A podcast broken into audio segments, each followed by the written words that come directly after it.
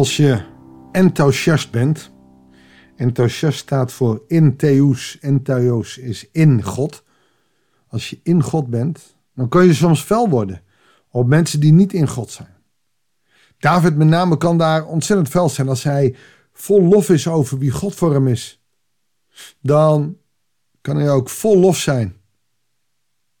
Maar als hij dan mensen om zich heen ziet die dat niet zijn, die niet in theos zijn, die niet in God zijn, dan kan hij ook ontzettend vurig worden. In die zin moet ik helaas wel eens toegeven dat David een soort van gelijkenis zou hebben met mij. Of ik heb met David, laat ik het zo zeggen. Ik kan soms ontzettend vurig zijn, maar ook ontzettend boos zijn op mensen die niet bij God lopen, die niet met God gaan. En dat is niet altijd goed. En toch, in die passie zit iets van, het hoort bij elkaar. En daar lezen we over ook in de psalm waar we gisteren mee begonnen zijn. Psalm 68 vanaf vers 20 tot en met het eind. En dat begint meteen met iets moois. Geprezen zij de Heer dag aan dag. Deze God draagt ons en hij redt ons. Onze God is een reddende God. Bij God, Heer, is bevrijding uit de dood. Deze twee versen laat David zien wie God voor hem is. En wat hij daarmee wil doen. Hij wil God loven en prijzen. Hij laat aan iedereen zien, deze God, die moet je hebben. Deze God redt ons. En dan kan je uit de eh, Bijbel voorbeelden geven. David zelf is gered. Mozes is uh, de redder geweest van het volk, maar feitelijk heeft God dat gedaan. God is een redder die, die redt van de dood, die redt van de ellende. In het Oude Testament zijn heel veel waterverhalen. Water staat voor de dood, maar heel vaak zit daar ook de reddende hand van God bij. Als je het hebt over de doop, dat is door de dood heen, maar door Christus en met Christus weer opgestaan, want God redt ons. De doop is elke keer een teken van de bevrijding, van de redding.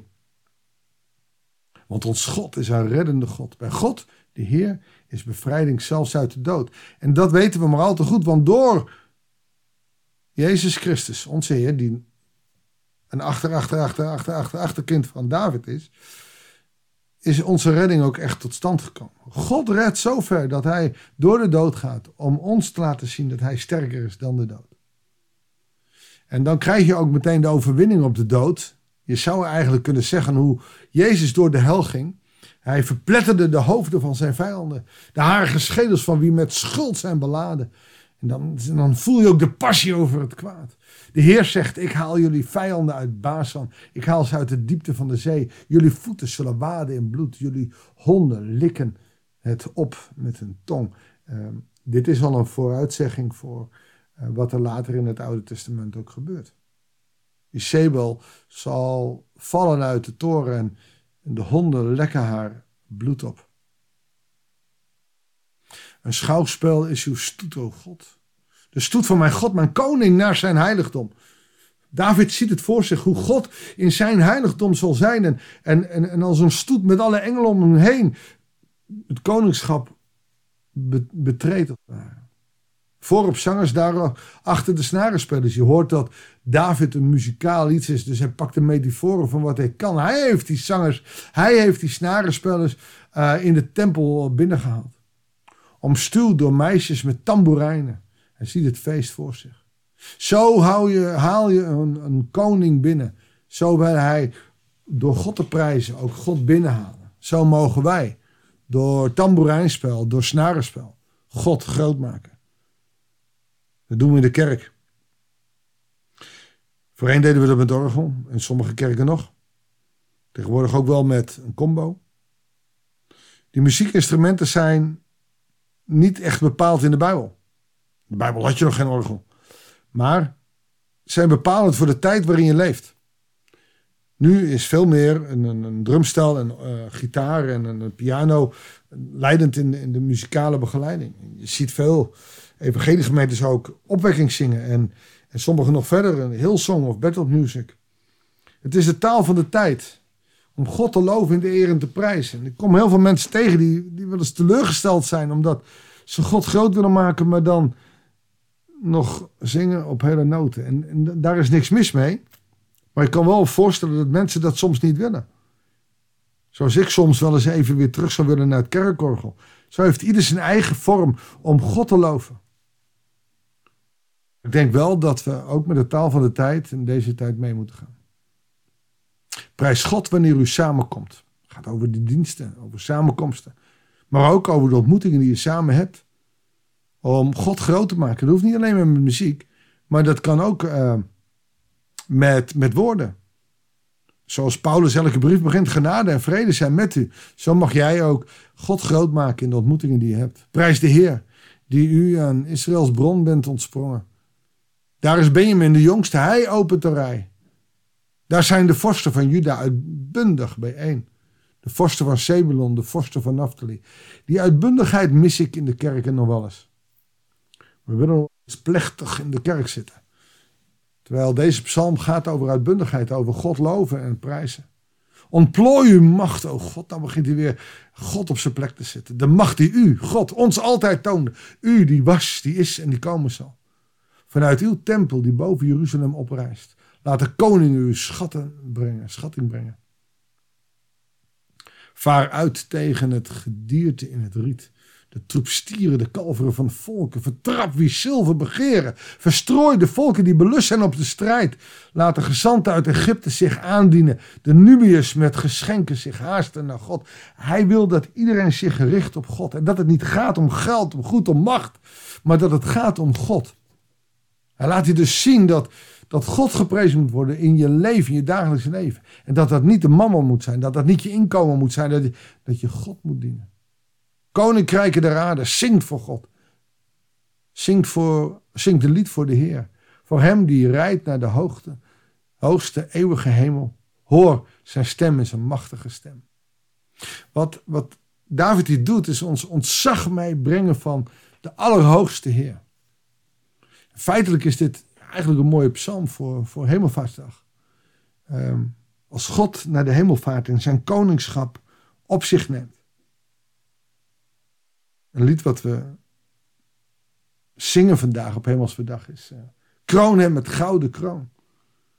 Want hij moest ons verlaten. Om, om het koningschap op zich te nemen. Hij is onze koning. Koning 2000 jaar geleden, maar nu nog. Gekroond met een gouden kroon. Voor alle koninkrijken op aarde, zing voor God. Zing een lied voor de Heer. Erken Gods macht. Zijn majesteit heerst over Israël maar ook over de wereld. Zijn macht reikt tot boven de wolken. Onzagwekkend bent u God. Uw heiligdom, de God van Israël, hij geeft macht en nieuwe kracht aan zijn volk. Van hem kan en mag je en zal je afhankelijk mogen zijn. We moeten hem loven, we moeten hem eren, we moeten hem prijzen. Geprezen zij God. En zo eindigt de psalm ook. David laat zien dat dwars door de ellende van deze wereld we God moeten loven, eren en prijzen, hem groot moeten maken. Een geweldig iets om dwars door alle moeite en zorg heen. Waar we oog voor moeten hebben. We kunnen niet alleen maar halleluja gehaltes krijgen als christen. We moeten oog houden voor het verdriet, de pijn en de moeite die er is. Maar midden, dwars door heen, God loven. En, en dat is iets wat ik in de psalmen leer. God loven, dwars door alles heen. Dat, dat is wat Jezus doet aan het kruis. God groot maken. Door door de dood te gaan, door gehoorzaam te wezen. Laten wij gehoorzaam zijn naar Gods wil. Laten we zoeken naar Gods wil. Wat wil Hij met ons leven? Dat is voor iedereen weer wat anders. Zoek naar Zijn wil en, en loof God in woorden en daden. Laat het de wereld zien dat God groot is. Stap uit. Juist in deze tijd waarin er zoveel kilheid en kaalheid is. Stap uit. Ik moet echt volgende week met Pinksteren ga ik naar het Pinkster conferentieterrein. Niet zozeer om, om, om, om van alles mee te maken. Maar om te zien dat er in ieder geval nog heel veel duizenden mensen zijn die in God geloven. Geprezen zij de Heere God. Dag aan dag loof ik Hem. In mijn zwakheid ben ik sterk. In mijn kracht word ik gezet door Hem die dwars door alles heen voor mij aan het kruis stierf. Ik mag hem loven in mijn verdriet, omdat ik weet dat hij me troost. Niet een schrale troost, niet, niet clichématig, maar met echte troost, omdat hij bij me is. voor je bidden. Want ik wil zegenend over jou uitbidden dat God bij je mag zijn. In je vreugde, in je carrière, in, in je gezin, in, in de plek waar je woont, in de gemeente waar je zit. In het geluk wat je beleeft. Maar ik wil je ook zegenend toebidden dat Hij bij je is als je moeite kent en zorg. Als je je baan kwijt bent, als je iemand verloren hebt. Als je in de mineur bent, als je depressies kent. Psychische problemen. Ik zegen jou omdat er God is die, die bij je wil zijn. En daarom mag je God loven. Niet omdat jij blij bent, maar omdat God ook in de diepste verdriet, in je moeite, in je zorg, in je vreugde, in je werk, in alles bij je is. Hij is de koning van je leven, daarom is het hemelsverdag. Hij is de koning die heerst over hemel en aarde. Hij is de God die bevrijdt. En ik hoop en ik bid, zegen het over uit dat hij jou zal bevrijden. Daar waar hij kan uit jouw penibele situatie. Maar de belangrijkste bevrijding is de bevrijding van je hart. Laat Jezus koning van je hart zijn. Dat bid ik over je uit in Jezus' naam. Amen. Dankjewel voor wie je bent. Dankjewel voor het luisteren. Ik wens je God zegen. Ga met hem.